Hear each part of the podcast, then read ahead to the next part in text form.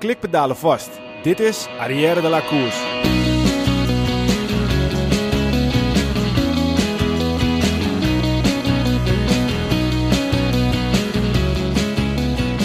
Het laatste regenwater is inmiddels uit de onderbroek van menig wielervolger geknepen. Het WK is voorbij. Binnenkort wordt de prijs voor de beste wielrenner slash wielrenster van het jaar bekend. Als er iemand is die die prijs verdient, dan is het wel Annemiek van Vleuten. Van Vleuten is een heldin. En als er iemand de vele door verdient, dan is zij het dus wel. De komende maanden gaan we weer lekker vaak podcast opnemen. Met zo nu en dan een kleine detour richting onder andere het veldrijden, het strandracen en het schaatsen. De enthousiasme blijft hetzelfde. De inhoud gaan we iets veranderen. Wat we gaan doen, dat hoor je vanzelf.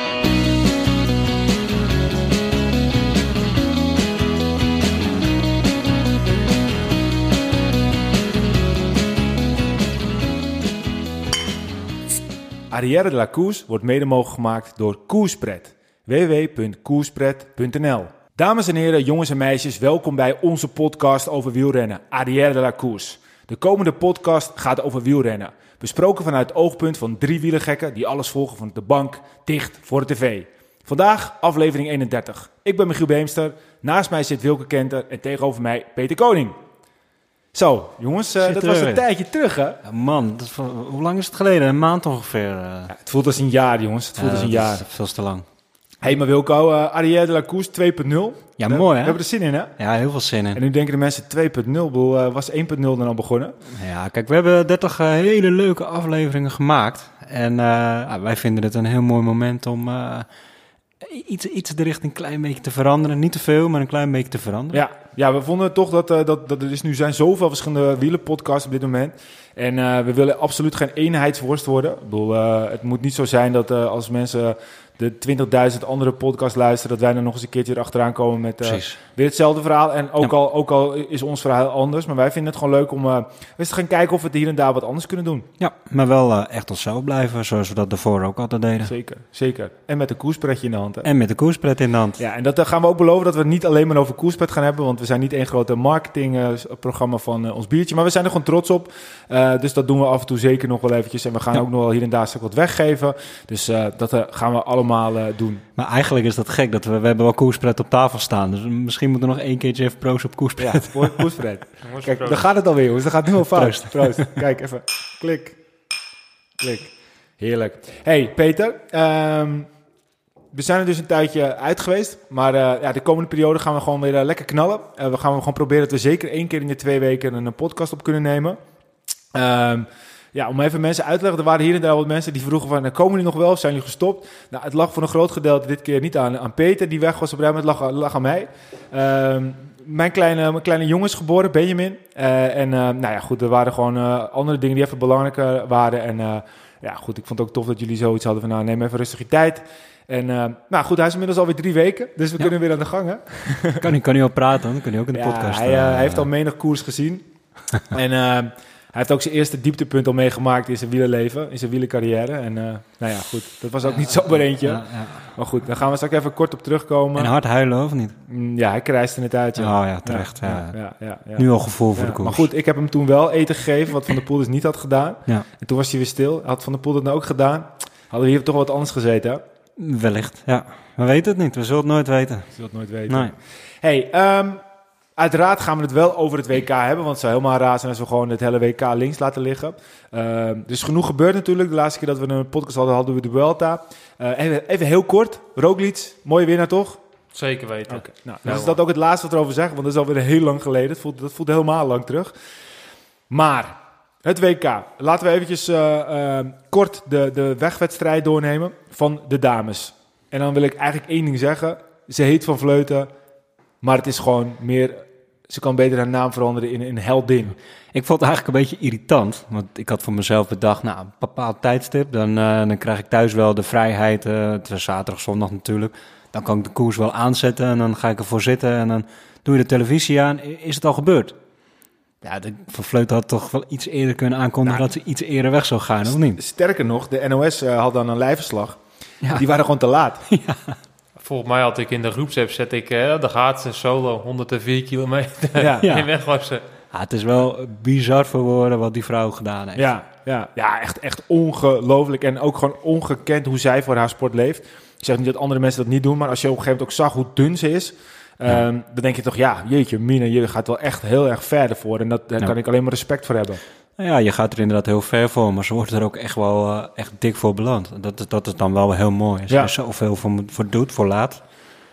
En je pakt die regenboogtrui. Ja, ja, Dat is wel super gaaf. Ja, en dan Anne van der Breggen, uh, toch ook wel echt wel props voor haar. Want ja, kijk, uh, ze, ja, die rol daarachter is, is misschien niet extreem groot, maar hij is wel groot. Want, want ja, zij is natuurlijk daar wel echt een hele goede uh, rem daar.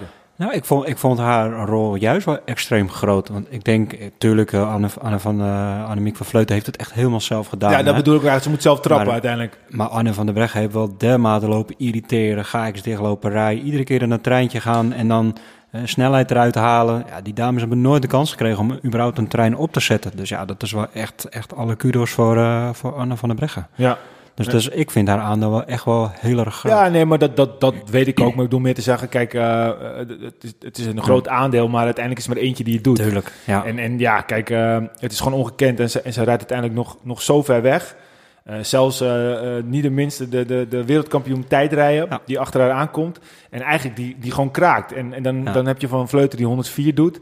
Die Dijker doet op dat moment, nou ik weet niet eens hoe ver, hoeveel kilometers, weet Peter, hoe lang was ze weg? Hoeveel kilometer? 104,7. Nee, ik bedoel Dijker die er oh. achteraan ging. Ah, ik weet niet, die heeft een half uur tussen gereden. Ja, dus, ja. dus kun je nagaan. Dat is dan de wereldkampioen tijdrijden. Maar uiteindelijk kon die dat lange na niet, nee. niet befietsen. Nee, ja, en hoe je het went of keert. Als je met 104 kilometer er vandoor gaat, en of het nou bij toeval komt of dat het gepland is, dat maakt op zich allemaal niet zoveel uit. Je houdt het 104 kilometer vol. Dus ben je gewoon terecht de winnaar. En als je het gemiddeld ook ziet, dik 36 uh, per uur. Tja. In, in ja, deze omstandigheden waren op zich wel oké, okay, maar het parcours was gewoon heel zwaar. Ja. Ja, petje af.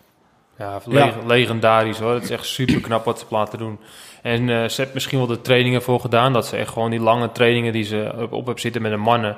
Ja, dat is nu uh, betaalt dat zich uit. En al dat afzien, dat heeft nou uh, ja, een mooie regenboogtrui aan te danken. En ja, het parcours was ook naar. Hè? Dus de bepaalde klimmetjes waar ze goed haar eigen tempo kan rijden. En daardoor kan ze het winnen ten opzichte van die andere groep die dan iets harder moeten rijden om er dicht te rijden. En dan continu die versnelling op zo'n klimmetje breekt die op een gegeven moment op. En ik heb dat vaak genoeg gezegd in de, in de groepsapp bij ons. Van uh, ja, het parcours is echt uh, verraderlijk. En dit was super goed om weg te rijden, dit parcours. En het was ook om weg te blijven. En om terug te komen was heel erg lastig. Ja, wat jij zei vond ik ook wel echt, uh, echt treffend. En ik ben er ook een beetje op gaan letten.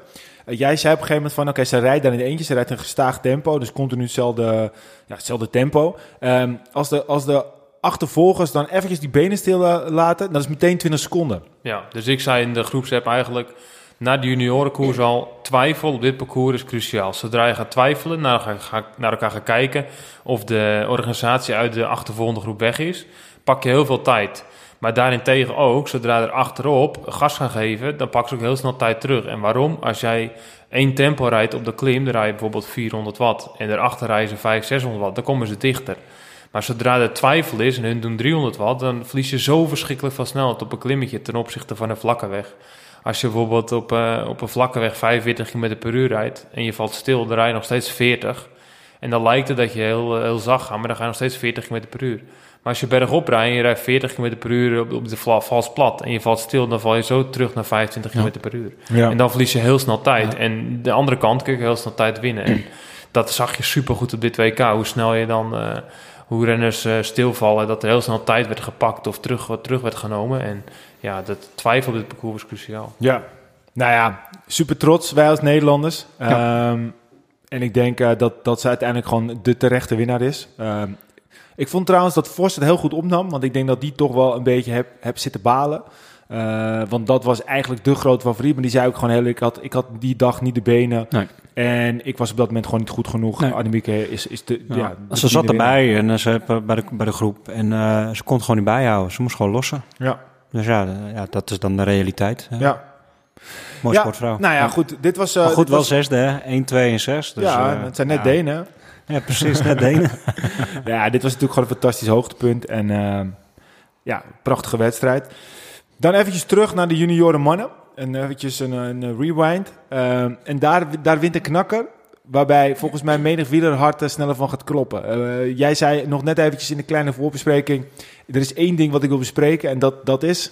Ja, Quinn Simons. Dus die jonge jongen, die Amerikaan, die uh, 18, 19 jaar, hij lijkt wel bijna 30 met zijn grote baard eigenlijk en zijn lichaamspostuur. Wat die jongen heeft daar laten zien, die heeft gewoon laten zien dat hij weer een jonge generatie, uh, genero, generatie van uh, Evenepoel en dat soort jongens. Hij gaat volgend jaar naar trek en hij laat nu al vermogens zien die menig beroepszender eigenlijk... Le leg het eens uit, die vermogens. Nou goed, ik zag een, een staatje op, op Twitter langskomen vandaag. En uh, daarin wordt beschreven wat hij allemaal voor minuten, vijf minuten waardes doet. En zes minuten en twintig minuten. En dan zie je eigenlijk al gewoon die vergelijkbare vermogens trapt met menig beroepsrenner. En een voorbeeld uh, dat hij zes minuten 450 watt rijdt bijvoorbeeld. Ja, dat doe ik ook. En dat heb ik altijd als mijn recordbewijzen van. En uh, hij is nog junior. Hij rijdt een 14, dus hij heeft een minder groot verzet dan ons. Dus hij is, hij is echt gewoon ver op zijn ontwikkeling vooruit. En hij is net zo, net zo grote kerel, denk ik, als ik en de andere grote beren. Maar die vermogens die hij nu weg op trapt, is echt uh, fenomenaal. Betekent ook dat hij een potentieel tijdrijder is dan? Zeker weten, maar ook gewoon een klassieke voorjaar. En hij, laat die waardes ook zien, volop in koers, hè, na een zware koers. Dat is wel knap. Hij laat echt zien dat hij uh, echt gewoon veel verder is dan de rest. En um, misschien is het wel zo bij junioren dat je soms je biologische klok een beetje vooruit is. Maar uh, ja, wat hij heeft laten zien is echt niet normaal. En ja ik zag hij zijn uh, eh, 20 minuten waren, was mijn alle tijd best. En ik had 469 watt voor 20 minuten dit jaar gereden. Dat was mijn record. En uh, daar heb ik bijna 10 jaar over gedaan om daar te komen. En hij doet het nu al. Ja. En nou, de Nederlander, die, die, die ben ik trouwens een tijdje geleden gaan volgen. Enzo. Enzo Leijzen. Leijzen. sorry dat ik even niet op zijn achternaam kwam. die ben ik een tijdje geleden gaan volgen. En dat komt omdat jij hebt hier een districtkampioenschap toen gereden. Toen werd hij volgens mij tweede. Ja, bij de junioren, de tweede tijd van de dag. Ik ja, de tweede tijd van de dag inderdaad. Ja. Ik had de snelste tijd van de dag en toen kwam de junior, die was sneller dan de tweede bij de elite. En ja. Ja, toen, dat was ook de eerste keer dat ik hem uh, had gelezen en toen uh, hield ik hem in de gaten. En jongens zegt zo, die reed hard en hij reed ook echt hard. En um, hij reed vergelijkbare tijden dat ik toen reed bij de junioren daar. En ja, dan, ik heb dat jaren niet gezien dat er iemand in de buurt komt eigenlijk die tijden die ik reed. En ja, dan is zeker die jongen in de gaten houden. Ja, en het is ook een strijder, want hij werd uiteindelijk vierde op de wegrit. En uh, twee in de tijdrit. Dus uh, ja, goed, een groot talent weer. En ja. uh, we houden hem in de gaten. Dan hebben we eigenlijk de positieve punten gehad. Die, we, die, we, die ons hartje gaat harder doen kloppen. En dan ja, zijn er toch twee. Je, kan, je kan zeggen wat je zegt, maar er zijn gewoon twee punten tijdens het WK. Waarbij we toch eigenlijk wel heel erg teleurgesteld zijn geraakt. het eerste gedeelte, dat is tijdens de belofte. Eekhoff. Ja, laten we positief beginnen. Kijk, hij wordt, hij wordt uit de uitslag weggenomen, maar hoe die wint en hoe die koers was, dat was voor de liefhebber. Nee, maar, Even gewoon naar de liefhebber kijken, was dat een fantastische koers. Ja, maar ik, ik ben ook niet negatief. Ik zeg alleen, er zijn twee punten waarbij wij dachten, oké, dit wordt het. En het werd eigenlijk een, een, een, het tegenovergestelde. Ik, ik ben ook gewoon heel benieuwd. Kijk, Peter, jij bent renner. Is dit nou terecht of is dit niet terecht? Het is belachelijk. Het is echt ongekend wat nu laten zien.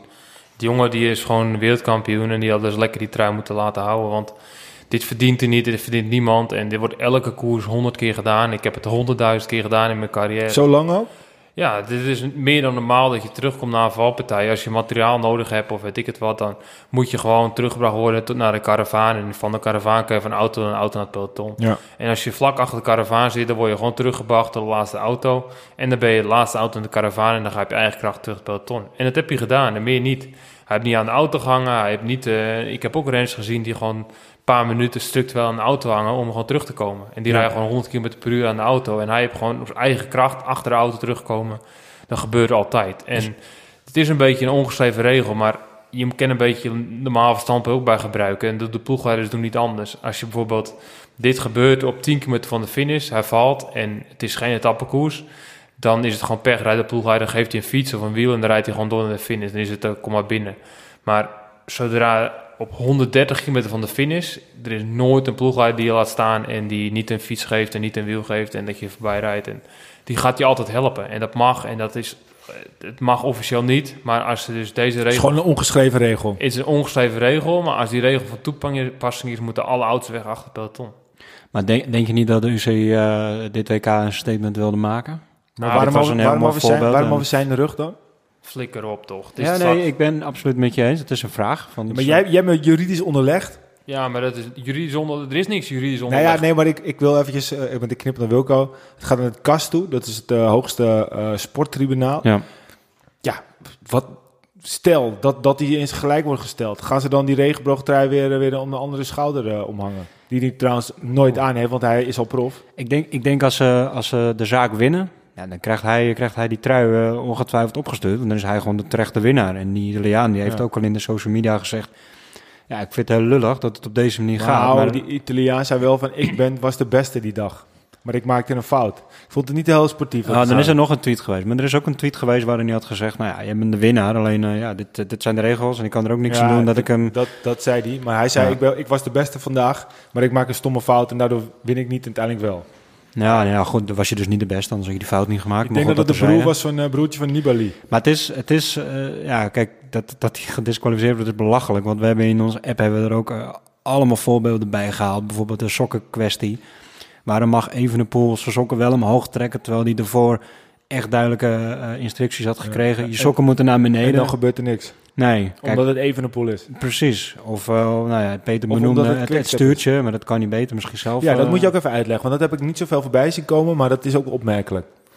Ja, goed. Ik wil nog een klein dingetje zeggen over het, eh, het, het, het autoverhaal natuurlijk. Want die regel die is er om te maken dat je geen gebruik kan maken van de situatie. Dus als een auto bijvoorbeeld naar de kopgroep toe rijdt... dat je niet achter de auto meegenomen wordt naar de eerste groep. Daar is die regel uiteindelijk voor ontstaan. En niet om renners niet op te halen na een valpartij of weet ik het wat. En als renners gelost worden, dan zijn de ploegleiders zelf de laatste die die renner meenemen. Dus dat is niet eens van toepassing en discussie waard. En ja, dit WK staat een beetje nu eh, bol van de fouten die UCI maakt opnieuw. En ehm één dingetje wat mij echt opviel was tijdens de wedstrijd al van de, van de tijd van de vrouwen. Dan zie je Chloe Dijker dat ze eh, de stuur, dat eh, officieel in de regel staat dat je een stuur moet hebben die je kan kopen online of op een web, webshop of in de, in, de, in de winkel. Dus ja, daar wordt heel erg op gelet. Maar daar is het ook in de regels dat de stuur niet mag verbonden worden met eh elk. Hoe moet ik uitleggen? Dus een, een, een houdertje of een beugel, dat er twee extensions, dus de houders waar je hand aan vasthoudt, aan elkaar zitten door middel van, van een beugel.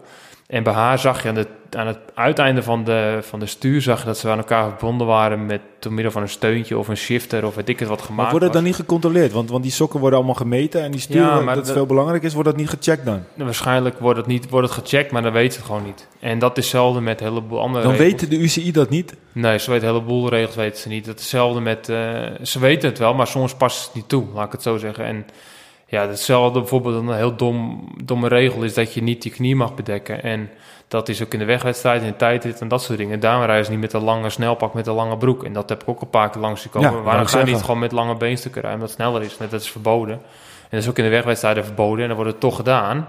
Maar ja, dan moet je ook renners zeggen van... hé, degene die dan met beenstukken rijdt die verhaal moeten disqualificeren. Want ja, het is eigenlijk wel sneller dan zonder beenstukken. Maar ja, ehm, Eigenlijk gek, want je hebt meer gewicht. je hebt meer gewicht, maar het is dus Ja, aerodynamisch voordeel. Ja, Ja. dat is, klinkt logisch. En dat was dus heel discussie DTK. En ja, ik vind het gewoon een beetje... Het gaat een beetje te ver, maar eh, het is goed dat de regels er zijn. Maar zodra de regels zijn, moet je ze wel handhaven. Dus wie is onze wereldkampioen, Wilco? Eekhoff. Peter? Eekhoff. Ik vond het heel mooi... eh, Johan, die zet neer. Hij mag zijn WK-trui nooit rijden, maar die foto houdt hij wel. Tja, Ja, die man, ja. Brunel, Brunel. Daar komen we later in deze Ja. podcast nog even op Ja, maar mooi gesproken. Mooi gesproken. Ja. maar goed, ja, er zijn heel veel gekke dingen gebeurd. En eh, er is duidelijk gemeten met twee maten. Ja, En, eh, ze hebben niet overal eh rechtlijnig nee, de het is eigenlijk gewoon te belach voor woorden. Want Ja. ja, ja kijk... Ja, Twitter is ook ontploft. Hè. Iedereen heeft zijn mening er ja, maar gegeven. dit- dit- dus, kijk, dit, dit gaat natuurlijk een hele hoop veranderen. Maar dit gaat nog veel vaker Ja. gebeuren. En het gaat veel vaker niet worden nageleefd. ja. En ja, dit gaat het wielrennen misschien wel erg veranderen. eh, maar uiteindelijk, het is het wielrennen. En uiteindelijk Ja. verandert er helemaal vrij weinig. Precies. Goed, dan gaan we over naar eh, de zondag. Ehm, het leek wel het, eh, het WK zwemmen, of, of hoe je het ook wil noemen. Het was natuurlijk echt bizar, hè? Wat weer.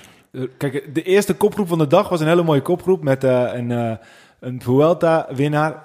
Met Roglic, met een Giro winnen met Carapaz en nog een andere oudere grote ronde winnen. Heel opmerkelijk eigenlijk, hè, zo'n kopgroep. Ja. Eigenlijk in een grote ronde, dan zou je denken, wow, wat een bizarre sterke ja, kopgroep. Ja, goed, maar ja, kijk, ik heb ook wel eens hier en daar gehoord van als je, als je in de kopgroep zit, dan is het minder dringend dan in het peloton. Maar in het geval van Roglic had ik echt het idee van, oké, weet je, uh, ze verwachten wat van me. Laat ik meteen maar gewoon weggaan. Dan heb ik in ieder geval mijn punten gemaakt. En ik weet niet of jullie hem gezien hebben op een gegeven moment. Hij, hij, hij stapte af. Nou, hij was aan het rillen. Hij had het zo ontzettend koud. Ik denk dat hij nog steeds staat op de tanden. Nou, ik heb in het begin heb ik nog wel gedacht, er zaten twee Slovenen in de koopgroep. Ik denk, misschien hebben ze echt gewoon een plan. Ja, ze hadden een goed team.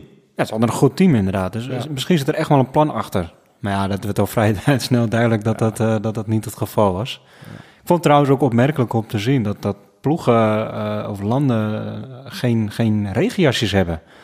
Dus een, een Roglic rijdt in, zijn geel van, van Jumbo. Ja, eigenlijk, maar het is sowieso af en toe een beetje knullig allemaal. En de, uh, de, Duitsers waren er volgens mij en die hadden, die hadden een oranje jasje. Dat was ook heel verwarrend ja, om naar te kijken. ik, ik begrijp, de helmen, dat begrijp ik. Maar ik bedoel... De jasjes, hè? Ja, maar het is wel grappig, want, want, want, ik heb heel vaak dus wielrennen aanstaan. En, en uh, mijn dochter, die, uh, die, die is dan ook gewoon vaak bij me. En die dan uh, kijkt ze een beetje mee, maar ook weer niet. En ik zat op een gegeven moment en zei... Papa, een oranje is gevallen. Een oranje is gevallen. Dat, is toch Nederland? Jij rennen? Wat, wat, ik zeg, wat? Wat? Nee, toch? En dan was het dus een Duitser inderdaad, weet je wel. Maar goed, dat, kijk, maar snap je? Kijk, op een gegeven moment... Het is al niet meer te volgen. Het is super verwarrend. En ze hebben allemaal andere helmen. Ja.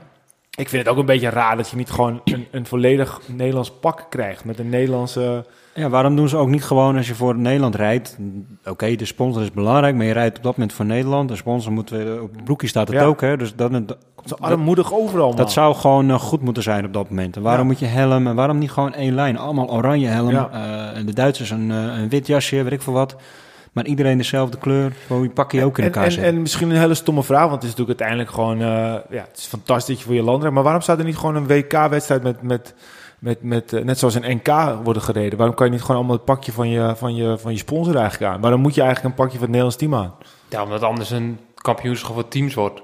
Dan is het helemaal niet meer te overzien wat er gebeurt. Ik vind het wel goed dat ze landenkleur hebben hoor. Ik vind het best wel een mooi idee. ja, het is ook heel mooi. Maar, enigste, maar, maar waar, waarom is dat er niet? Waarom zou dat niet kunnen? Nou, daar ook, ook terugkomen op de UC-regels. In de regel staat dat je de kleur van je regenkleding moet hetzelfde zijn als de teamkleding. Ja. Dus in principe zou een Nederlands team in een oranje regenkleding moeten. En dan hoeft er niet per se Nederland Nou was Nederland nu wel volgens mij een van de weinigen die... Want op een gegeven moment zag je dus van de pool op het eind nog met zo'n jasje aan. Dat wel een oranje was, maar... Hoe heet het ook alweer, dat zwarte wat, wat, uh, wat jij ook... Uh, Gabba. Gabba, maar dat, dat is volgens mij alleen maar zwart. Ja, maar je hebt ze nou ook tegenwoordig andere merken die ze gewoon in kleur hebben... en in een teamkleur uit af, afprinten, zeg maar. Ja. Maar goed, uh, aan desnoods zet je gewoon de naam erop en dan valt het ook al op. En wat mij echt opviel, dat er sommige jongens gewoon een regenjas pakken van een team waar ze voor fietsen. En dat is volgens mij helemaal verboden. En maar ja, daar wordt ook niet op nagehandhaafd. Ja. Je ziet dat in heel veel sporten inderdaad. Zet inderdaad dan bijvoorbeeld alleen NED op de rug. Dan weet, dat kan, maar er zijn heel veel helikopterbeelden natuurlijk. Alles van bovenop. Dus zie je wel altijd van welk land. Uh, maar het wielrennen is toch ook... Het, het, gaat nu een beetje veranderen. Vaak zie je nu ook gewoon uh, pakjes waar dus een naam staat van de renners. Ja. bijvoorbeeld Jumbo heeft de naam van de voornaam van de renner. Maar je moet toch wel iets kunnen verzinnen. Je kan toch gewoon een nummer op die helm zetten. Hoe moeilijk is het nou dat ja, iedereen... Heb jij ook wel geschreven. Waar iedereen gewoon een vast nummer heeft. Bijvoorbeeld uh, Terpstra heeft standaard het hele jaar door nummer 13. En, en net zoals met, met, met, met motorsport of weet ik veel wat voor sport. Waarom ja. kan dat niet? Dat, is toch, dat is toch, moet toch makkelijk kunnen? Je kan ze ook al letter geven, hè? bijvoorbeeld uh, A1 en A2 ja, en dan bijvoorbeeld, B1 ja, en bijvoorbeeld B2. NL1 en NL2. Maar het is toch op een gegeven moment niet meer te doen? Nee.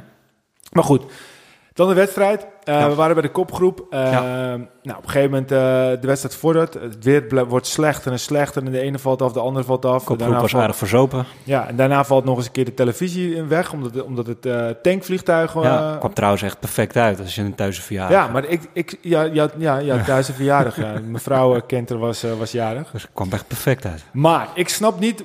Tijdens zo'n belangrijk evenement... Ja. Hoe kan het nou dat zo'n zo'n vliegtuig op dat moment een uur eruit moet. En, en bijvoorbeeld bij, tijdens een tour niet. Komt dat dan door de weersomstandigheden? Of? Ik heb Daar moest denken. Ja, maar zijn er geen helikopters dan klaar? Die, die, die... Nee, maar het is het, is het zendvliegtuig. Hè? Dus je hebt de helikopters die vliegen. Die komen oh, zo. Die ja, vliegen. precies. Ja. En dit is om het, om het signaal door te geven. Ja. En dan anders kunnen ze geen televisie maken. Maar een beetje knullig, toch? Ja, nou, wel bij UCI zeker. Hè? Het was de vliegtuig ja. van de UCI. Dus uh, ik, ik heb er genoeg over gezegd, al de fouten die ze maken. En, ja. Kijk, uh, volgens mij, ik had ergens gelezen dat ze voor 4,5 uur, 5 uur lang uh, brandstof binnen kunnen nemen. Ja. tankt dan de eerste keer niet zo heel veel. En zegt dan gewoon, we hebben met 200 kilometer te gaan nog een pitstop. En dan gaan we een half uur tussenuit. En dan, als ze dat van tevoren aangeven, dan is het prima. Dan kan de Eurosports reclameblok doen en dan kan alle, iedereen kan er rekening mee houden. en dan kennen ze het tanken en klaar. Maar goed, nou doen ze het ergens uh, met 100 kilometer te gaan bewijzen van. Staat het was een heel belangrijk moment in de koers. Uh, dat was gewoon vol op koers. Ja, want toen kwamen we weer in en wie was er weg? Balleberde. Ja. Hij was er gewoon uit. Hij, ik heb hem gewoon ook helemaal niet gezien. Ik denk dat hij niet eens mee heeft gedaan. Gewoon de oud-wereldkampioen die er op dat moment afstapt. Ja, maar ik denk dat hij niet mee heeft gedaan. Ik denk dat hij gewoon zoals het weer zal jongens, uh, flikker op. Ik ga hij heeft getekend, hij is het hotel ja. gegaan en... Uh, hij zegt, dit is niks voor mij. Ik ga lekker het uh, Turkse stoombad in. Ja. En dat zou ik trouwens ook nog begrijpen. Als je dat weer zag. Ja. En uiteindelijk uh, gaat het door en uh, ontstaat er dus een groepje waar Teunis onder andere nog even bij zit. En dan, dan gaat de grote favoriet, die sprint in naartoe met Trentini zijn wiel was nog wel grappig, want Martinez, de Colombiaan, ging over mee. Ik dacht, een Colombiaan, boe, uh, het regent hè vriend. Ik weet niet of het, of, uh, maar hij was ook snel dat hij dacht van, nou, ik weet niet wat ik aan doen. Nee, ik stop maar mee. Was hij alweer weg. Ja. Um, maar Van de Poel, nou, komt een mooi groepje. De tijd uh, wordt steeds, nou, ze hebben steeds een grotere voorsprong. alle verliepen scheen zelfs al een paar keer, minimaal één keer in ieder geval over zijn nek zijn gegaan. Die, die was niet fit. van Avermaat en de Belgen weten nog steeds eigenlijk niet wat ze nu precies aan het doen waren dat is het voor het team. Hè. Dus onze Belgische luisteraars, het is niet aan de Belgen gericht, maar het zat er gewoon niet zo'n hele goede wedstrijd. Ik denk dat jullie het al met ons eens zijn. En um, ja, uiteindelijk ging de Duitsers nog even rijden, waar we dachten, nou oké, wat zijn die aan het doen? Dus wij dachten, Trentin, Van der Poel, dat wordt een sprint. En op een bepaald moment, uit het niets, denk ik, heeft hij nou pech? Wat gebeurt er? En hij, hij, uh, hij draait af. Hij bolt eigenlijk af. Hij bolt eigenlijk uit. Alsof of hij een baanrenner is die uh, zijn aflossing heeft gedaan en, en in de binnenbaan het was, uh, bijkomen is. Toch, de, misschien hebben jullie dat ook gezien. En een paar kilometer daarvoor was er op een gegeven moment een, een stukje heuvel op. En dan kwam een bochtje aan en hij liet een paar meter tussen liet hij lopen. En dat vond ik zo... Ik, dacht, ik had toch gelijk het gevoel van, hé, er klopt iets niet. Maar goed, je, weet je, je, je denkt vervolgens verder en ik denk, nou ja, misschien hoort het erbij ja, achteraf denk ik dat hij toen al dat hij toen al echt, echt hard moest werken om erbij te blijven. Maar ik had dat, daarvoor had ik al dat gevoel, omdat hij zo'n klein gaatje liet. Hij, hij reed toen in vierde positie van de vijf.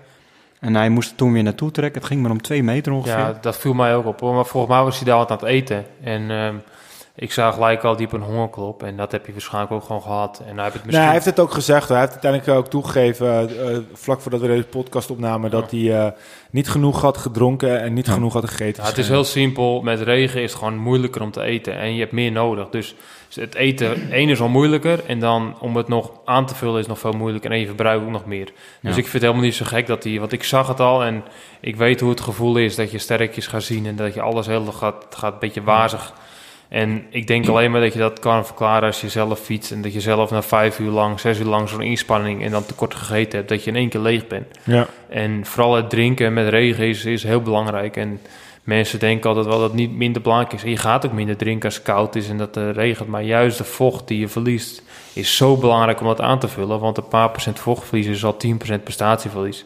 Ja. En dat heb je waarschijnlijk gewoon gehad. En natuurlijk is het ook combinatie van kou en regen, alles bij elkaar. Want ja, ik weet hoe het is om uh, met vijf uur lang regen te fietsen. En dat is geen pretje, maar ja, aan het einde dan uh, kun je onder de toestappen en dan is alles weer goed. Ja, een hele dure les. Hele dure les. Ik en, denk dat het wel en een dure les. Ja, zeker. Ja, je leert er altijd van. Ja. Maar het, het moment is eigenlijk, uh, je hebt het liever in een, in een iets mindere koers waar het knaken weer is. En dat je in duin oploopt en dat het dan leert van, nou ja, als het hard regent, het koud is, ja. moet ik meer eten, meer drinken. En dat het op het WK misschien niet gebeurt. Ja. Het is wel zeur dat het uitgerekend op het WK ja, wordt. Ja, nou ja, kijk, uh, ja. Ja, nou ja, zeker. Het is een teleurstelling, maar aan de andere kant, uh, hij, is nog, uh, hij is nog jong. Ja. En hij kan nog heel veel keer wereldkampioen worden. Maar ja, goed, het is natuurlijk, ik denk dat niet deze les geleerd had moeten worden op het WK. En als het echt zoiets is dat hij te weinig heeft gegeten en gedronken, dan is het nog extra zuur dat Teunis op een gegeven moment dus zijn jelletje geeft aan Koen en aan de uiteindelijke winnaar Pedersen. Ja, maar stel je voor dat Michael had gegeven, Mathieu was je al te laat. Ja, dat weet ik. Maar ik bedoel, het is gewoon wel zo dat dit is iets wat voorkomen had kunnen worden. Ja. En, en, en tuurlijk moet hij nog veel leren. Maar ik denk dat aan de andere kant, alles wat er aan zit te komen, dit wel zijn moment had kunnen zijn. Het is niet zomaar, dat hebben we over Dumoulin ook wel eens gezegd. Van, kijk, Dumoulin was, was, was in 2018 tweede in de Tour, tweede in de Giro. Maar hij komt straks terug Hij heeft een jaar bijna niet gekoerst. Hij moet er wel staan. Hè? We hebben alle vertrouwen in Tommy ja. Dumoulin. Maar hij moet er wel staan. En gaat dat maar eens bereiken. En dit was misschien toch wel de kans voor Van der Poel. En als het dan echt neerkomt op een, ja, op een te laat genomen drankje of een te laat genomen hapje. Ja, dat is toch wel echt verdomd zuur. Maar goed, we gaan er niet te negatief over zijn. Het, het, het, het, het mooie wel is, dat je ziet wel dat oortjes dat, dat, dat, dat kan een koers maken. En dat kan een koers natuurlijk nog meer maken als je geen oortjes hebt. Dat zie je nu ook. Er gebeuren zoveel dingen in de koers omdat je geen oortje hebt. Ja, in dit geval is het voor Nederland uh, even balen. Maar met oortjes had het natuurlijk nooit gebeurd. Maar dit maakt wel weer iets extra's. Nou ja, waarom niet? Als hij, als hij die jonge klop uh, niet heeft aan uh, zien, zien komen, dan had het ook gebeurd. Nou, als je, als je oortje hebt gehad, dan is vaak je ploegleider die zegt elk half uur... Ja. vergeet niet op die eten, manier bedoel je? Ja. Dus dat is wel heel vaak wat ze ook zeggen. Ook als het dus koers is, als het echt vanaf de start. We hebben natuurlijk de Vuelta heb ik gereden en dan was het elke dag de eerste twee uur volle bak koers. En dan is het gewoon, gewoon heet en dan moet je echt veel drinken in de eerste twee uur, want anders ja, dan ga je er gewoon door aan het einde van de, van de drie weken. En ben je opgekookt. Ze hebben eigenlijk elke zeg kwartier heb je gezegd, jongens, drinken, drinken, zelfs tijdens het aanvallen op de kant rijden. En dan denk je, oh, hou je bek, weet je wel, van ik ben aan het koersen, ik heb geen tijd om te eten of te drinken. En dan toch pak je je bidon en drink je hem leeg en is zo snel mogelijk. En dan uh, gaat er iemand terug in het eerste uur tijdens het aangevallen wordt. En ja, nu heb je dat niet gehad. En uh, ja, ik heb nog een paar punten gezien waar oortjes cruciaal te kunnen wezen tijdens het WK. Maar... Uh, ja, met de, met de Belgen, met de Belgen onder andere. Maar dat ja, maakt het wel mooi. Ja. Hey, um, uiteindelijk een sprint met drie. Een Zwitser, een Italiaan en een, uh, en een Deen. En uiteindelijk wint de jonge Mats Pedersen. Ik vond het wel fantastisch om te zien. Want, want ja, weet je, aan de andere kant, ik heb toch ook wel een bepaalde goodwill richting Trentin. Ik vind het wel voor een Italiaan een redelijk, uh, ja. mag hem wel. Hij had het ook echt verdiend uh, gezien dit seizoen, hè? Ja, zeker, zeker. Hij heeft, hij heeft, een hele slechte periode gehad. En vorig jaar zet hij eigenlijk een beetje die, die negatieve periode in... Eh, doordat hij het EK ja. toen won. En daarna, dit jaar, heeft hij gewoon een, een goed jaar. Zeker. Uh, Pedersen een beetje andersom. Die reed vorig jaar een heel goed seizoen. Ja. Dit jaar eigenlijk nog niet. Maar we hadden het al een beetje aanzien kunnen komen... want hij won een wedstrijd in Frankrijk... waarbij hij uh, alleen aankwam en uh, degenkop onder andere klopte. Maar dit was wel mooi, hè? Nou. Maar is dit de wereldkampioen die we willen? Nou. Even niet over Van de Poel, maar is dit nou is, is dit de wereldkampioen? Kijk, voor grotere wedstrijden wil je altijd natuurlijk dat de grotere mannen uh, in de regenboogtrui rijden. Dus dat had natuurlijk mooi geweest als een Trentin of Van de Poel. Dus de namen die koers kunnen maken. Maar Pedersen, die heeft inderdaad vorig jaar heeft hij, uh, in uh, Vlaanderen heeft de koers gemaakt. Hij heeft een andere grote wedstrijd koers gemaakt. Ik denk dat Pedersen een hele mooie wereldkampioen is. En dat hij volgens bij deze trui echt kan laten is het, zien. Is dat geen Roman Feinstein? Nee. Nee. Nee? Dat vind ik zelf ook niet hoor. Maar, uh... Weet je, Mats Pedersen is gewoon super, super goede renner en super sterk. Ja. En weet je, dit WK was een beetje de WK van de stervende zwanen. En hij was gewoon de, de, de zwaan die het meest uh, over had aan het eind. En ja. uh, zo simpel is het. En echt elke renner die in het peloton was, maakt niet uit wie het was, die was naar de kloten. En als er één iemand was die misschien een beetje harder had gekund, dan uh, kwam bij Sagan uit. Maar verder heb iedereen is helemaal, was helemaal leeg. En um, ja, ik vond het wel verrassend dat uh, Van der Poel, die kon zich natuurlijk niet inhouden. Maar als die ronde later had gewacht, had hij misschien zijn energie langer kunnen bewaren. Maar achteraf is altijd makkelijk praten natuurlijk. En, maar voor Trentin zag je precies hetzelfde. Die jongen die, uh, was ook gewoon leeg aan de finish. En de eerste, hij zit zijn sprint in met 210 volgens mij. En nou, de eerste twee trappen voelt hij al... Uh, ja. ik heb het niet meer. En dan en, is en het Maarten Ducro, hè, Maarten Ducro, die zei uh, bij de NOS... Hij zet hem op zes lengtes meteen al. En toen wat, wat, wat, zie jij dan, weet je? Zie jij iets anders? Want je zag eigenlijk dat hij gewoon... Hij wilde aangaan, hij moest meteen hij was een andere koers aan het kijken. Ja, ja, ja dat, dat, is kou, hè? Dat is dus de kou en kramp en vermoeidheid. Ducro, maar ik heb, ik heb op, op social media ook heel veel gehoord over Van der Poel... dat hij uh, een tactische fout heeft gemaakt. Ik vind dat ergens wel een beetje onzin. Want hij ging samen met Trentin ging hij, uh, in de aanval... En Sagan hoor je achteraf zeggen van, nou ja, ik heb het een beetje onderschat. Want ik had verwacht dat we ze terug zouden pakken. Maar ik had wel de benen. Ik vind ik dat had... hij geen, technisch, nee. geen tactische fout, maar hij Maar Sagan, wel... die heeft wel toegegeven van... Ja, die mannen die dus nu vooraan zaten, die hebben gewoon het juiste moment gekozen. Als Van der Poel niet die hongerklop had gehad, had hij wel gestreden om de Dat, dat is wel, maar Van der Poel maakt wel het gat. En als Van der Poel niet gaat, wordt Pedersen geen, geen wereldkampioen. Daar kunnen we denk ik wel redelijk Ja. duidelijk in zijn, want dan worden ze teruggepakt. Ja, maar mijn, mijn punt En gaat meer om... lift heel erg op Van der Poel mee. Ja, maar het punt is meer omdat dat hij had voorin gereden en hij had om de overwinning gestreden. En hij was op de plek waar je moet zijn als hij Ja. eh, geen honklop had gehad. En Sagan, die was er niet. Want die heeft het, die heeft het gewoon onderschat. Ik, ik vond zo'n Dus kan ik vond het geen tactische fout. Ik zag het al toen, we hebben het even in de app gehad over eh, de wedstrijden in Canada. Sagan, ehm hij is niet dik, hij is helemaal niet dik, maar hij staat wel, hij, staat, eh, hij is gespierder dan... dan Hij was, Sagan was in mijn ogen misschien wel de beste van de Ja, maar hij is, hij, Ja. ik denk ook dat hij een renner is die niet heel koud, hij heeft wel koud gehad, maar dat niet, niet extreem koud, want hij staat gewoon gespierder. Ja, maar Ja. weet je wat het is? Kijk, hij weet zoveel van koers al. Hij, heb, hij weet gewoon, oké, als ik nu eerder ga, dan rijd ik mezelf naar de kloten. En hij weet gewoon, oké, met deze kou moet je echt sparen tot einde. En daar heb je op gewoon op gegokt. En weet je, Ja. als zo Van de Poel die ging aan en Trentin volgde. Maar mijn, als ik renner zijnde, dan kijk ik niet eens meer naar die eerste twee. Ik weet dat ze weg zijn. Ik kijk naar de renners die erachter zitten en het ga ik er dicht proberen te rijden. Dus mijn oog gaat zo snel mogelijk naar de renners die erachteraan opkomen. En de enige die überhaupt in een goede positie zat, was eh Fulsang, was eh Alaphilippe en die ging ook gelijk aan. Dus die ging er gelijk achteraan en die kon gewoon niet mee. Fulsang die was om, om zich heen aan het kijken en die wist, oké, ik heb Mats Pedersen voor, dus laat maar een beetje zo gaan. En dan komen wij daarna in het volgende groepje achterop. Daarna zat Valkeren, die zat daar een paar plekken achter. En die andere Italiaan, eh Bettiol, die de Ronde van Vlaanderen gewonnen had, die zat ook gewoon helemaal op de eerste rij. En drie, drie jongens blokkeren eigenlijk de weg voor Sagan om eroverheen te springen. Want die zat gewoon 20, 30 plekken te En ver. waar was Van Avermaat? Ja, die zat nog verder. Dus die heb ik Die helemaal was, niet die was echt niet Dus goed, die hè, zat- Van Avermaat. Die was gewoon niet in orde. En Sagan zat, had gewoon niet verwacht. Hij had het misschien aan ze kunnen zien komen, maar hij had niet verwacht dat, dat Van der Poel daar al zou gaan. Vooral met deze omstandigheden. En dat is de onervarenheid bij, bij Van der Poel. Hij, maar hij wint zijn koers om aan te vallen. En dat, dat is ook de typisch hem. En dat heb hij super mooi gedaan. En daarom zie ik het ook niet als tactische fout. Meer als eh, een beetje gretigheid. Hij heeft echt nog die gretigheid om eh, die aanval te maken en dan koers te Ja. maken. Want maar waar ik bang voor was, was dat hij dus ging wachten en dat hij de slag zou missen. En dat hij door de twijfel, eh, wat ik net eerder zei, dat hij op zo'n rondje niet meer terug zou kunnen komen. Ja. En dat gebeurde nou bij een zaak die twijfelt en dan kom je niet meer terug. Ja. Jongens, Pedersen Ja. is de wereldkampioen. We Ja. gaan het afsluiten. Ehm, een vriend eh, van ons, eh, die ze- zijn opa was vroeger slager en die had altijd een mooi bordje staan. Achteraf kijk je een koe in zijn kont. Ik denk dat we daar maar met het WK we moeten afsluiten. Het is helaas niet gelukt. En eh, volgend jaar eh, weer een kans in, eh, in Zwitserland. Wat overigens een hele zware klimkoers Over twee wordt. jaar wordt hij wereldkampioen. Mij- Dan is het in Vlaanderen, toch? Dan is de Vlaanderen. Ja, dus schrijf maar op. Over twee jaar Van de Poel wereldkampioen. ja. Of even een pool. Nee, Van de Poel. Schrijf op. Maar om even terug te komen, volgend jaar Zwitserland. Zwaarder parcours zelfs dan eh, vorig jaar in, in Oostenrijk. Ja. Toen Dumoulin. Kan zomaar. Zou Ja. het zijn, hè? Zou zomaar kunnen. Maar daar heb je ook weer heel veel andere toppers. Ja, dat, maar dat, dat, dat is echt wel... Kijk, zo'n WK, dat, eh, dat, dat, dat valt er staat de vorm. Hè. Dat- Je kan nog redelijk verbergen. Maar bergop kan je je niet verbergen. Nee. Dus dan is dat wel Mooi. gewoon... eh is, ja, mooi gesproken, hè?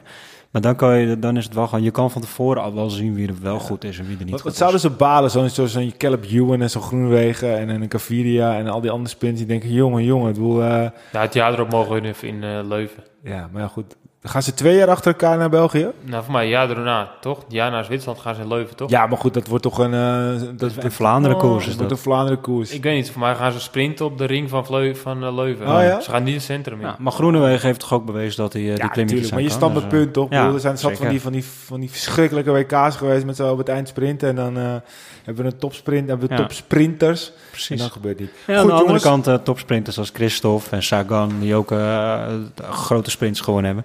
Die doen ook volle bak mee. Hè? Dus, eh, Dat is, dat is zeker waar. hey, we gaan door. Ehm, we hebben net al even genoemd, de Velodor. Dus de, de wielrenster, wielrenner van het jaar moet bekend worden gemaakt. Het is wel mooi om eigenlijk... ik vind het eigenlijk wel een mooie prijs. Want het gaat niet erom wie nou de beste vrouw de beste man. Het gaat gewoon om de beste man slash vrouw van het jaar.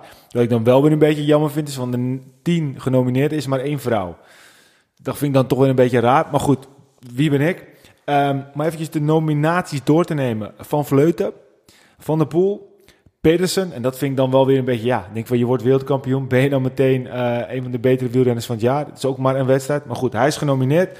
Richard Carapaz, natuurlijk de winnaar van de Ronde van Italië. Egon Bernal, de winnaar van onder andere ehm, de Tour. En volgens mij ook de Ronde van Zwitserland, hè, was het? Dauphiné? Ronde van Zwitserland? Nou ja, goed, maakt ook allemaal niet zo heel veel meer uit. Primoz, Slav, eh, Primoz Roman, Roglic. Romandie. Romandie, maar ah, ja, dat was uh, Roglic was oh, dat. sorry, ja, Zwitserland won bij ja, ja, Zwitserland. Uh, Primoz Roglic, Julian Alaphilippe, nou wat won hij niet? Philippe Gilbert, Jacob Vogelsang, natuurlijk winnaar van uh, Luik, Bastenaken Luik. Remco Evenepoel, Caleb Ewan en Elia Viviani. Peter, wie zou dan die prijs moeten winnen? Roglic. Wie zit er in de jury? Nou ja, waarschijnlijk het UCI. Alle, alle Belgen of niet? nee, maar ik... Weet je, het is heel simpel voor mij. Het is de wereldranglijst die voor mij een beetje door. Ja, maar en dan Van Vleuten dan? Waarom zou Van Vleuten niet mogen Oh, dit is bij mannen en vrouwen ook Ja, is dan mannen en vrouwen ook één. Uh, ik denk... Uh, ik denk dat Van Vleuten hem wint hoor. Ik denk het niet. Ik denk dat de mannen nog, uh, helaas, mannen nog altijd boven de vrouwen staan, helaas. Ja, maar denk je dat? Kijk, als ze moeten gewoon een gescheiden prijs vinden. Nee, maar dat is juist het mooie in deze prijs. Het ja, gaat dat gewoon vind om de... flauwkul. Dus appels en peren vergelijken. Het, het, is toch gewoon... De, dat is juist mooi. Het is gewoon de beste wielrenner renster van het jaar. Met de beste prijs. En als je gewoon gaat kijken naar wie, wie de meeste gewonnen... dan kan Van Vleuten dit toch niet mislopen. Als Pedersen genomineerd wordt... Omdat hij wereldkampioen wordt... en Van Vleuten wordt wereldkampioen... en hij wint gewoon duizend andere wedstrijden... dan is er toch maar één winnaar, één winnares die... En dan doen we even die oranje bril af en dan doe ik hem af. En dan zie ik nog steeds alleen maar Van Vleuten staan. Dat is topfavoriet. Nou, als, als het mij zou vragen, zou ik alle verliepen. Uh, ik vind gewoon dat er een man en vrouw moet zijn. in ja. ieder geval. Maar goed, die discussie. Uh, niet Roglic? Nee, nee, nee ik, ik, vind dat alle verliepen in de breedte zoveel heeft laten zien. Podium in de Giro, wint de, de, de klopt, Vuelta, klopt, klopt. Ronde van Romandie. Ja. Wat heeft hij niet gedaan? Ja, maar, maar alle verliep die is in het voorjaar heel goed geweest. Hij is in Tour de France uh, echt top geweest. Hij heeft uh, tijdrijden ook laten zien. Hij heeft echt op een heel breed podium heeft hij zich laten zien. En heel ja, maar veel wil, gewonnen. baseer je dit op het, op het hoe het attractieve koersen, dus dat je het mooi vond hoe je ja, reed, of vind je het op, op basis van hij resultaten? Heeft ook, hij heeft ook echt heel veel gewonnen. Maar dan is het toch qua punten ben je toch heel simpel dan de winnaar, of niet? Ja, nee, dat klopt. Maar daarom vragen we ook, wie vind jij, wie vind jij, wie vind Het is goed dat wij niet in de jury zitten, jongens. Ja, ik vind gewoon punten is het meeste doorslaggevend. Dus dan wint Van Vleuten. Ik weet niet of hij meer punten heeft dan ook niet. Ja, natuurlijk. Nou, weet je, ik ben sowieso niet uh, man of vrouw. En ik vind gewoon dat Van Vleuten de beste vrouwelijke wielrenster is. En dat Roglic dit jaar... Uh, de prijs voor de beste mannelijke Weet je wie ik vind dat moet winnen? Mollema. Die is ook gewoon wereldkampioen geworden hè? Op, de, op de relay. En Europees kampioen. ja, ja, die moet winnen. Ja, maar dan kan Koen Bouwman dat ook, of ja, niet? Koen Bouwman kan het ook, ja. ja. Nou, wie is er nou van deze tien Europees en wereldkampioen? Niet van Vleuten, of wel? Nee, van Vleuten ook niet. Nee. Nee, Evenepoel is Europees kampioen. Ja. En tweede op het WK. Tweede op het WK ook niet dus. Nee, net ja, niet. Dat is wel een Belg. Ja. Roglic is ook niet, want die is verzopen op het WK. Dus die kan je ook afschrijven. Ja, dat is waar. Die heeft gefaald op WK. Ja, en die gaan, heeft toen uh, niet gereden. Gaan het is punten. sowieso moeilijk, hè. Klassementen en ze sprinters en Jij zegt, vrouwen. En... Roglic. Roglic. Jij zegt... Alle verliepen. Ik zeg van Vleuten. Zetten we een koerspretje erop? koerspetje of koerspretje? Koerspretje. ja, is goed. De koerspretpet. Die komt nog, hè? Zo, de winnaar, die gaat, daar sturen we naartoe. Niet? Daar sturen we naartoe, ja. Oké, okay, jongens. We weten het niet, we komen niet uit. hey, een nieuw item die we elke keer uh, gaan invoeren.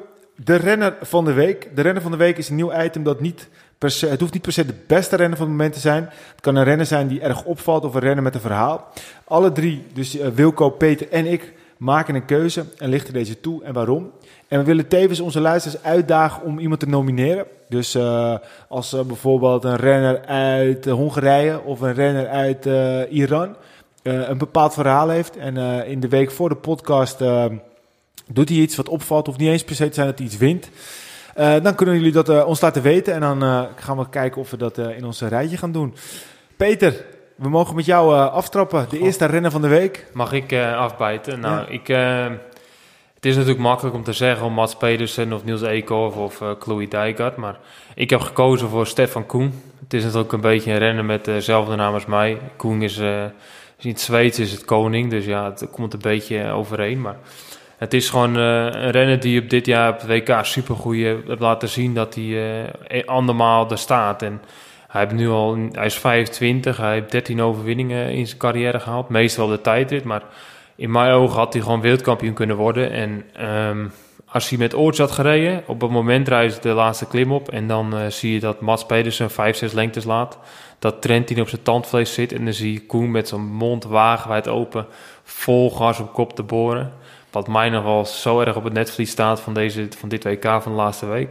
Dat ik hem daarvoor uh, genomineerd heb voor opvallendste rennen. En we hebben veel te weinig van hem gehoord. En iedereen zei hij gaat voor, voor derde plek. Maar als hij een oortje had gehad en zijn ploeg had gezegd dat ze aan het kraken waren... had hij misschien nog wel een tandje harder gekund en had zo een wereldkampioen kunnen worden. En hij heeft natuurlijk uh, afgelopen jaar BMC gereden. En dit jaar laat hij gewoon weer zien dat hij met de switch naar een Frans team heel succesvol is. En ik denk dat we de komende jaren nog heel veel gaan laten zien. Stefan Koen. Stefan Koen. Nou, hij heeft ook een hele mooie koers gereden. Dat, dat, dat, dat, is één ding wat zeker is. Zo'n mooie, mooie koning Koen. Ik wist niet dat... Stefan Koning. Stefan Koen, Stefan Koning. Ja. Mooi. Wilco. Ja. ja ik heb Michael Falgren gekozen als renner van de week. Dat, uh, dat komt natuurlijk ook een beetje voort uit dat ik natuurlijk de hele tijd geroepen heb van uh, jongens, let op Denemarken. Let op Denemarken, let op Denemarken. We gaan hem even Tuurlijk. uitleggen. Wilco, je, hebt helemaal, je hebt gewoon op z'n gelijk. koers in zicht. Je verdient het, je verdient het. Wilco, we hadden, wat, we hadden het erover, wat zijn de beste ploegen tijdens de WK? En Wilco zei, ja, Denemarken. Elke keer Denemarken. Ja, Wilco, we weten dan wel met je Denen, jongen. Wil, uh, prima. Ja. Maar uiteindelijk de winnaar. Nummer 6 en de nummer 12. Dus ik denk dat dus- Wilco ook uh, naar uh, luistert, zijn podcast. Die is ook helemaal gek van tenen. maar goed, die, ik heb die toevallig niet geluisterd. Ik heb gewoon die namen gezien en ja, dat, dat team... Dat, dat, Hoe heet de Deense bondscoach? Ja, dat doet er niet toe. Het gaat om de renners. nou, doe je ik zou eigenlijk mezelf moeten noemen, maar goed. Uh, goed. Maar goed, mijn uh, renner van de week, dat is uh, nou ja, zoals ik al zei, ik heb gekozen voor de Deense renner, omdat de Deense ploeg gewoon een hele goede ploeg was. Maar uh, buiten dat, hij is, uh, afgelopen WK is hij dus als 60 gefinist door een sprint te verliezen van Gan. Wat dus absoluut geen schande is, maar uh, alleen de sprint al, hoe hij die aanging en hoe hij staat te juichen. Als je ziet dat Pedersen gewonnen heeft, gewoon de beleving. Ja, dat was fantastisch om te zien. en dit jaar heeft hij, had hij gekozen voor een nieuw team, Team Dimension Data. Om na drie jaar Tinkoff en daarna twee jaar Astana te gereden hebben een nieuwe uitdaging aan te gaan was ook niet zo heel gek, want hij had vorig jaar een echt een goed jaar gehad met Amstel Gold Race en uh, Omloop het Nieuwsblad, die te winnen. En een vierde plek in de Ronde van Vlaanderen. Dus ja, de verwachtingen waren ook erg hoog dit jaar. Alleen, uh, ja, zoals we allemaal weten, dit jaar is het niet geweest wat hij ervan verwacht had. Tot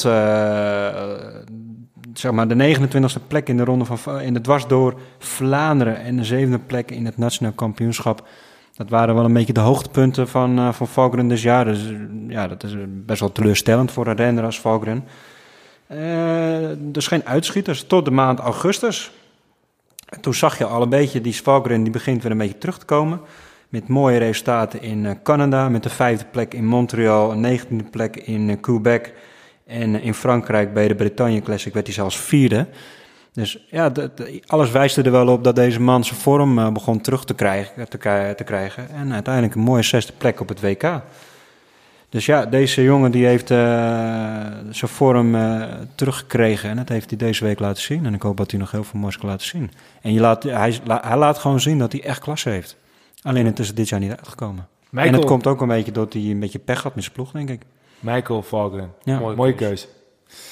Ja, en dan mag ik, jongens. En dan hebben we ook natuurlijk een klepper.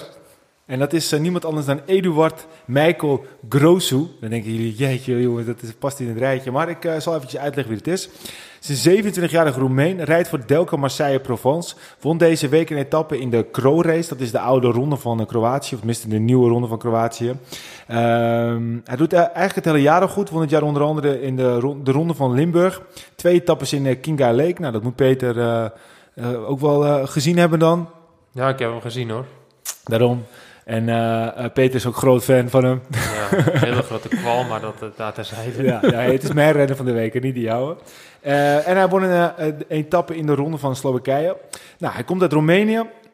Wat natuurlijk niet een land is met een hele grote wielerhistorie. En daarom is het ook des te knapper dat hij toch op een pro-continentaal niveau uh, zijn wedstrijden meeneemt. En uh, ook zo nu en dan een wedstrijd pakt.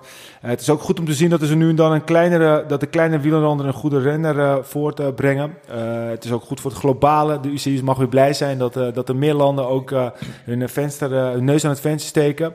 En um, ja, daarnaast ook eigenlijk een vergelijkbaar feit is dat uh, een, een, een, land als Hongarije, wat natuurlijk niet echt een uitgebreide wielercultuur heeft, uh, volgend jaar uh, met een pro-continentaal team komt. En het is, ze hebben zelfs een hele grote kans dat ze daarvoor de Giro worden uitgenodigd. Um, ja, nu is Groos natuurlijk geen Hongaar. Maar hoe meer landen op een hoog niveau fietsen, hoe beter. Dus mijn renner van de week is eigenlijk niet per se de renner zelf, maar meer de renners uit de kleine landen die toch een wedstrijdjes mee kunnen pakken op het uh, allerhoogste niveau en net iets daaronder. Rebellin gaat toch voor rijden voor de ploeg niet? Ja, die gaat voor die Hongaarse ploeg ja, rijden. Ja. dus Rebellin gaat misschien volgend jaar toch nog de Giro rijden. Oh, dat zou het zijn. Oh. Maar um, ja, goed. Uh, ik, ik, ik meen het ook serieus. Ik denk dat het goed is. we zien steeds meer Afrikaanse renners die, uh, die uh, ja, hun neus aan het ventje steken. Ja, Carapaz is dan een Ecuadoriaan. Ecuadoriaan. en dan, dan een Hongaars team. En dan nu met een Romein die nu en dan wat pakt. De Israël Cycling Academy die natuurlijk Um, overigens samengaat met uh, onder de licentie van Katusha, maar ook, ook eigenlijk zoveel mogelijk verschillende nationaliteiten binnen het team wil. Ja. Nou, dat zijn eigenlijk allemaal volgens mij betreft gewoon hele goede vorderingen en dat is alleen maar goed uh, voor het globale wielrennen. Zeker. Dus nou, ik denk dat drie mooie namen. Dus heb je, heb je zelf uh, nu een naam dat je denkt, nou, die rennen wil ik zeker uitlichten. Uh, die heeft gisteren namelijk de kat van de, de buurman uh, uit de sloten gered. Of een andere gek feitje. Of hij kan gewoon knijten dat fietsen. Meld het eventjes. En ja, goed, we willen hem graag opnemen voor de volgende podcast als de, de, renner van de week. Dan, nu gaan we verder met in het nieuws. En als eerste in het nieuws, Mapai-topman Giorgio Squeezy is op 76-jarige leeftijd uh, overleden. Een beetje voor jullie volgen, heb Mapai natuurlijk als een van de grote sponsoren achter het WK. Nou ja, goed, de, laatste week hebben we genoeg uh, WK voorbij zien komen en kon je continu Mapai zien. Maar natuurlijk helemaal van de succesvolle ploeg uit de jaren 90. Lefevre, Mapai, later uh, ook Quickstep en nu natuurlijk de Koning Quickstep. Werd gevraagd om een reactie, omdat hij natuurlijk ja, Squincy uh, genoeg uh, keer heeft gezien en vaak heeft gesproken. En ook gewoon samen hebben ze best wel wat opgebouwd. Maar eigenlijk wat ik... Ik vind het natuurlijk verschrikkelijk voor meneer Giorgio Squincy dat hij is overleden. Maar wat mij opviel is dat zowaar het dopingwoord viel en de naam Ferrari uh, uit de mond van Lefevre. En dat hoor je niet elke dag. Lefevre kwam ja, hij vertelde uh, dat er, uh, ja, terwijl er was op een gegeven moment hommeles binnen het team. En dat had dan ook weer te maken met uh, Giorgio. Die was er heel boos over geworden. Maar hij zei het volgende. Hij zei, op een bepaald moment ging een deel van onze ploeg naar Dr. Ferrari. Wat ik al dacht, hem zegt hij nou dat een deel van de ploeg, en dat wist hij dus van, blijkbaar. Um, om geen namen te noemen, zal ik zeggen, de Spaanse clan. Daar was Quincy niet mee opgezet. Nou, dat bedoelt natuurlijk mee dat hij daar helemaal niet blij mee was. Maar ik moet eerlijk zeggen dat ik dit best wel opvallend vind dat hij dit zo zegt in de media. Want ik heb eerlijk gezegd nooit eerder gehoord dat Lefebvre heeft eigenlijk gezegd dat in zijn ploeg doping werd gebruikt. Nee, ja, ik ook niet. Maar goed, uh, dat was die tijd was natuurlijk heel anders. Hè? En uh, in die tijd werd er natuurlijk bij alle teams veel, veel gekke dingen gedaan. En uh, ja, nu de neus, de sneuzelippen door zeggen we wel een beetje hier. En, ja, maar goed, ik vind dat... Ik denk dat dit ook zo is. Ja, ik wil ook niet de, boel zwart maar helemaal niet. Maar ik vind het best wel opmerkelijk dat hij dat zo, zo open bloot noemt. En dat hij ook dan zegt de Spaanse gedeelte van de ploeg. Ik bedoel, ik zou dat niet weten op wie die doelt. Ik bedoel, je zou hier de Italiaanse groep uh, bedoelen? Ja, er waren meer Italianen dan, dan Spanjaarden in die of, tijd, uh, volgens mij. Maar uh, ja. nee, ik, vond het, ik vond het opmerkelijk. dit is natuurlijk niet, we gaan niet op, op het graf van Giorgio Squeezy nou ja, goed. Ja, daarom jullie dat, benoemt hij dat natuurlijk ook. Die man die ze niet, heeft er niet mee te maken. Dat, dat doet hij natuurlijk Nee, ja, dat weet ik. Maar ik bedoel, ik vond het dus wel frappant dat hij in dat verhaal dus dat noemt zomaar uit het niet. Ja, zeker. Ja. Hoeft niet. Als niemand het erover hebt, hoef je het niet te doen. Nee, maar goed. Hij noemde het dus. En uh, ja, dat, ik vond het toevallig, want ik heb Lefebvre volgens mij naar mij weten nooit echt eerder gehoord over de doping binnen zijn ploeg. Dan verder het nieuws. De Amerikaanse overheid wil nog 1,2 miljoen. Daar is hij weer van onze grote vriend. Peter is echt een grote fan van hem, Johan Braneel. Uh, hij wordt beschuldigd van uh, civiele fraude. 1,2 miljoen. Hij is, uh, hij, ze zijn bij hem aan de deur geweest. Ja. En hij, wil het, hij weigert het. Nou ja, belachelijk. Hij moet gewoon betalen, toch? Of ja. niet? Maar goed, Terecht het is, dat hij moet betalen. Het komt omdat Juice Postal is overheid overheids, een overheidsbedrijf, ja, hoe, je het, hoe je het ook wil noemen. En uh, ja, dus eigenlijk overheidsgeld heeft hij misbruikt. Ja, daar wordt hij nu voor civiele fraude. Dat is niet zomaar wat, 1,2 miljoen. Ik weet niet... Uh, wat hij als salaris heeft gekregen, voor de duidelijkheid natuurlijk, voor, uh, voor de luisteraar. Dus 1,2, dat is wat hij verdiend heeft aan salaris. En ze willen dat hij dat terug gaat betalen. en, en, het, en het, ja, of, ja, ik denk een deel is, ik denk dat het niet eens alles is, maar ja goed, ik weet niet hoeveel podcast hij daarvoor moet maken. Nou, als hij bij ons is, dan, dan, dan levert het geen ene rol voor hem op. Maar ik weet niet of hij dat met lenzen... Dan mag je heel wat podcasts van maken, volgens mij, Peter. Ik zit zo even gauw te rekenen. Ik denk dat we wel redelijk wat, wat luisteraars hebben, hoor. En, uh, ja, maar goed, 1,2 miljoen, dat verdient hij niet even met... Uh... Even niet zomaar terug met de podcast. Nee, dat wou ik zeggen. Nou, maar goed, het is toch terecht als je het moet terugbetalen.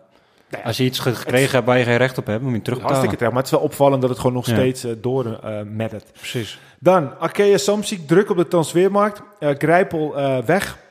Nou ja, goed, dat, die zagen we aankomen. En uh, ze maakte deze week maar liefst uh, vijf uh, nieuwe gezichten bekend. Nasser Bouhani. Nou, uh, ja. De bokskoning. Die heeft geen uitleg nodig, nee. volgens mij. Thomas Boudet, Christophe Noppe, Benjamin de Cler, Lucas Oulsan, die, komt, die komt van, uh, van CCC. En uh, ja, dat waren ze. 1, 2, 3, 4, 5. Die, die komen die kant op. Wat vinden we ervan? Ik denk dat uh, met uh, Boudat een hele goede renner erbij hebben genomen. En ik snap niet eigenlijk waarom hij weggaat bij Total. Want ja, het is gewoon echt een hele goede coureur. Zowel op Vlaamse werk als een beetje iets, als, iets heuvelop. Het zal wel iets te maken hebben met geld. Het zal geld te maken zijn, ja. uiteraard. En ehm, ja, ik denk dat het een goede aanwinst is. En met Bouhani, je weet het maar nooit. Hè. Het kan heel goed uitpakken, kan heel slecht uitpakken. Ja. En ik ben heel benieuwd waar Grijpel in gaat eigenlijk. Ja. Nou, ik denk, ik denk dat hij stopt. Ik denk dat hij ook stopt. Ik weet het niet. Ik denk dat hij nog een jaartje doorgaat. Ja? Maar een jaartje bij de Verver of zo. ja. kan zomaar. Ja, ja, ja, ja. ja er worden gek dingen gedaan misschien daar. Ik weet het niet. Maar uh, nee, ik denk dat hij stopt. Dat hij, hij heeft zijn tijd gehad. Ja. Mooi moment om te stoppen voor hem. Dan, onder andere, Moritz is uh, zwaar gewond geraakt in de Crow-race. Daar is hij weer. Um, en dit toen er na de finish een persoon... Uh, de renners... Ja, eigenlijk, hij rende eigenlijk door de renners door. Ja, dat is een heel raar was, beeld. was dat een toeschouwer of was dat iemand uit, ik, uit de ploeg? Nou, dat, uh... mijn grote vriend Grosso die won die wedstrijd. En uh, het leek net of hij naar hem toe wilde rennen, maar ja. zijn finish er net rest. Ja. drie seconden voor, dus misschien dacht hij dat het gat groter was.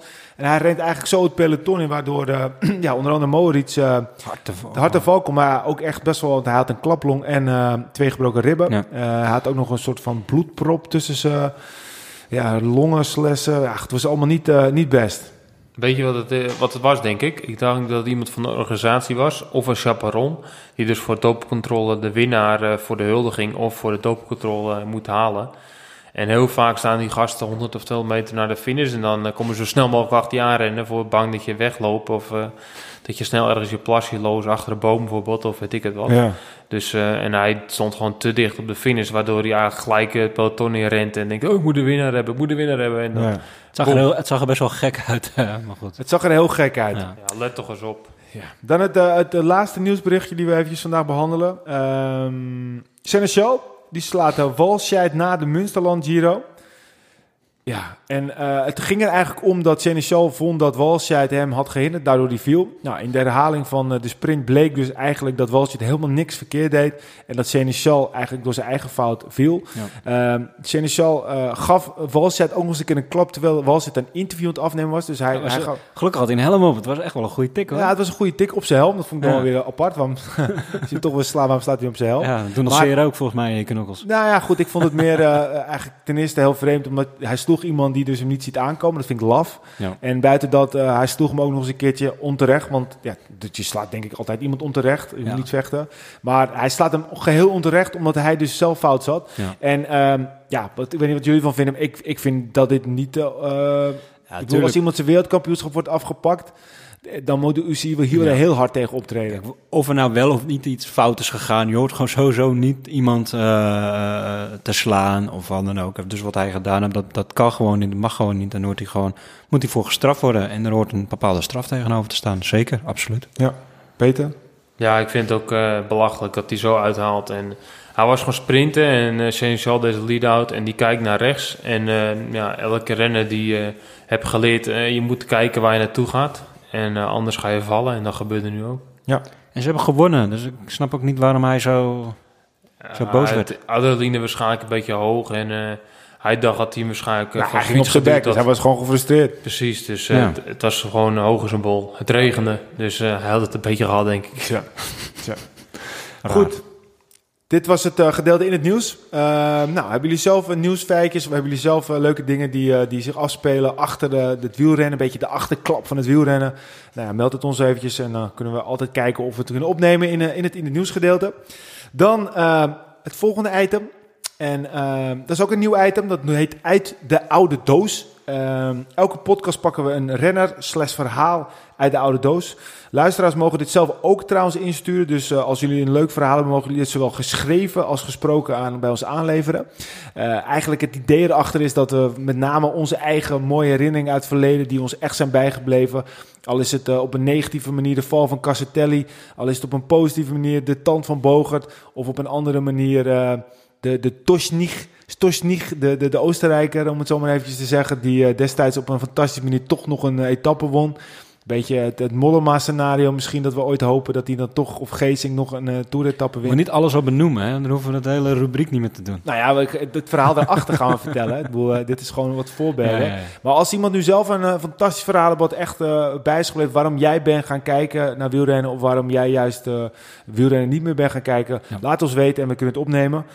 Peter mag vandaag aftrappen met het verhaal uit de auto's, deel 1. Nou, ik heb gekozen voor een renner. Um, renner de Krekel, aka Paolo Bettini. Um, hij was een renner die, toen ik begon met fietsen in 2015, uh, eh, dat maar echt mijn ogen op het profiel denk van, dit is echt gaaf wat hij doet. Uh, hij wint sprintjes bergop, hij valt aan, hij laat zien dat het showmannetje is, het show-element. En het begon eigenlijk in 2014 dat ik uh, thuis Olympische Spelen van het volgde ik eigenlijk alle sporten. En toen fietste ik nog niet, toen volleybalde ik nog. En toen uh, was ik ziek en dan lag de hele week op, uh, op bed met griep. En toen uh, zag ik de wegwedstrijd en toen zag ik Bettini winnen. En dat vond ik zo'n mooi moment. En sindsdien ben ik de wielrennen iets meer een beetje gaan volgen. En vervolgens in 2005, toen ben ik echt gaan fietsen. En toen Quickstep reed met zijn gouden helm in de ronde. En ja, ik was gewoon een klein beetje fan van hem. Ik vond het gewoon mooi wat hij deed. En berg op aankomsten, alle luikbastenaken luiken, zo was hij gewoon de te kloppen man. En super gaaf. Vervolgens uh, in 2006 en 2007 wordt hij uh, wereldkampioen. En um, wint hij 63 wedstrijden in zijn carrière, wat ongelooflijk knap is, waar, waaronder Olympisch kampioen en tweevoudig Luik Luik en tweevoudig uh, Lombardije. Maar het meeste moment wat erbij staat, is toch wel het denkbeeldige schot op de buitenwereld. Want ik weet nog goed dat hij in 2007 eh, mocht niet eens starten op het WK. En uh, was er een hele rel omdat hij, dat ze hem buiten wouden houden vanwege allerlei uh, dingen in, in, in de buitenwereld op, doping en dat soort dingen. En toen wou de organisatie weigeren en er zou bijna nog een rechtszaak aangaan. En hij mag toch starten en hij wint en hij maakt een denkbeeldig schot. En die foto is nog steeds ja, gegriefd op een netvlies. De krekel. De krekel. Mooi verhaal. Dat is een mooi verhaal, ja. ja. Je zei op een gegeven moment 2014, maar je bedoelde waarschijnlijk 2004. Ja, wordt alweer gecorrigeerd. Hè? Even voor de duidelijkheid, voordat iedereen denkt van... is Peter pas in 2015 begonnen met fietsen? Dan reed hij binnen twee jaar de verweld. dat is al heel snel. Precies. Nee, maar mooi verhaal, Peter. en uh, kijk, uh, dit is ook een beetje wat we graag willen hebben van de mensen. Uh, ja, waarom, waarom, het waarom achter het waarom. En uh, ik denk dat dit ook een mooi is waarom jij bent gaan fietsen. Dat is allemaal te maken met de krekel. Heb jij trouwens een bijnaam of niet? Nou, niet echt. Ja, in Australië noemden ze me Stilt. Stilt? Ja, op een gegeven moment uh, kom ik in Australië en in Australië heeft eigenlijk iedereen een, uh, een bijnaam. En uh, ik was aan het opbouwen met een servicekoers. En uh, dus is een plek waar alle fietsers worden gestald en de wielen en dat soort dingen. En ik was een beetje helpen met die rekken monteren, en, want ik was een paar weken te vroeg, dus ik kon mooi helpen. En uh, ja, op een gegeven moment moest een rek op de muur boren. En dat was eigenlijk best wel hoog. En ik hoefde niet geen ladder te hebben. Ik stak mijn arm in de lucht en ik hield het rek vast. En ik boorde die gaten in de muur. En die gasten die keken me allemaal... Jezus, ben jij lang, weet je wel, van uh, zo'n lange Hollander. Toen noemden ze me stilt. Dus uh, stelt eigenlijk, dus heel lang uh, stelt. en sindsdien is dat eigenlijk... Heb één iemand dat geroepen en iedereen kopieerde dat eigenlijk. en toen heb ik een heel jaar werd ik zo genoemd. Dus, dus, het is, in het Nederlands is het de, de stijle... Stelte. De stelt van Van Huizen. Ja. Maar goed, en uh, sinds, uh, sinds uh, bij Akabloed noemen ze maar de King. De King. De King, omdat het toch een beetje... Ja, dat vinden ze wel een mooie achternaam. Daar zijn ze meestal wel jaloers op. Ja, ik kan me voorstellen. Ja. King Kong. King Kong, koning. De King met zijn stelte. Ja. Goed. Dan de teams ranking. Uh, nou, we hebben natuurlijk heel veel wedstrijden weer uh, achter de rug. Want uh, we hebben zijn een tijdje niet in de lucht geweest. Um, nou, de nummer 1, dat is wel redelijk duidelijk, denk ik, Wilco. Dat is de Koning. Die staat nu ja. op 66 overwinningen, plus 8 maar liefst. Jumbo-Visma is weer terug naar de nummer 2 plek.